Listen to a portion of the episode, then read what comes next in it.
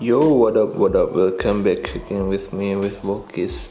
And today I'm gonna make podcast. The topic it will be about the the most important thing English for my life. So that's why that I actually I've been learning about the English since when I was at the elementary school because my dad was so very enthusiastic for for getting me into the some like uh, small small courses in my hometown that that I learned about the English. But actually I was focused and I was so serious to learn about the English since I was at the high school. Actually after I graduated from my high school because of at the time I didn't take the university because I didn't have any chance for getting the university and I decided to learn to build up my level or my English level to be uh, elevate to be a better. So I I decided to learn about the English at the time and I just took uh, three months at my at my hometown. That uh, that was my first course that I was so serious to do it. I was so curious to learn about the English. And um, it was a great time. It was it was a tough time also to learn about the real English. It's not about it's not only about the grammar. It's not only about the how I write or how I read about English but how I speak how I understand fully about the English.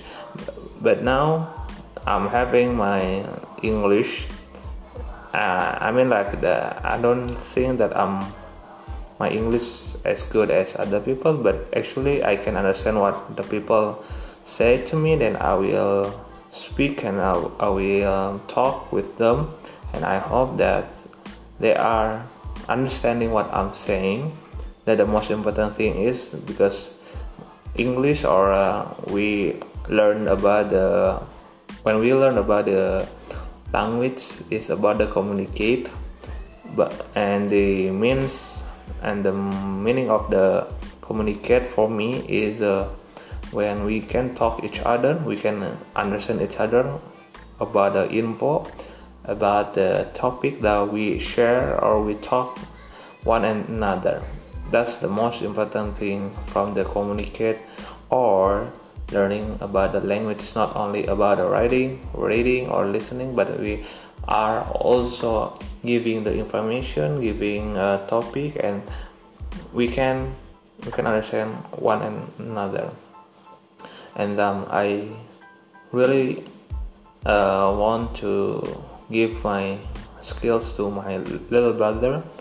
I hope that, that my little brother could speak english could be able to do it and um, yeah because of what because i i felt by myself that it was quite um, it was quite easy to get a job when we are having a basic in english for about speaking or even the writing or any kind of the grammar that we had to learn.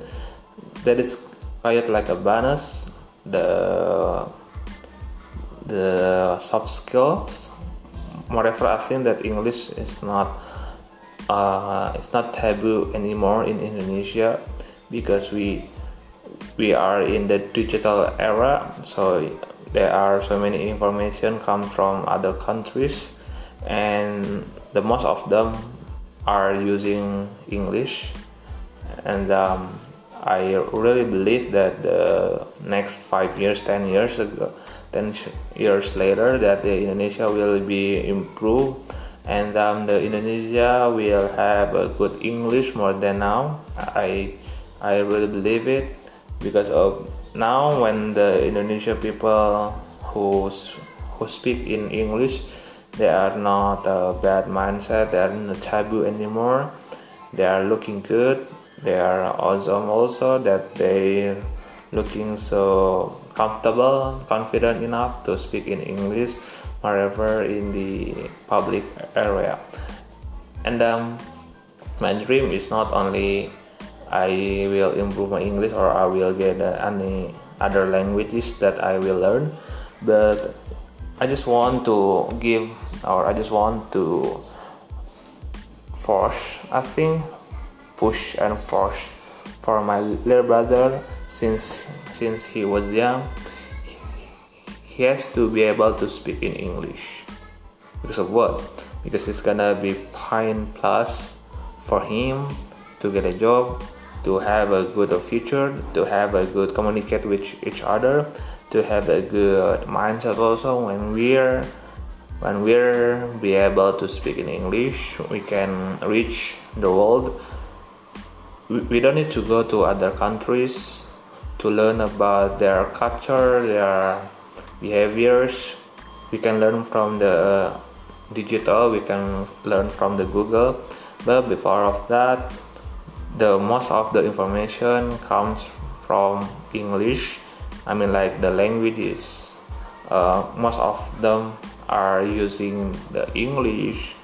And so that's why i just want to make him or make my little brother to could be able to speak english. I think that's all. Thank you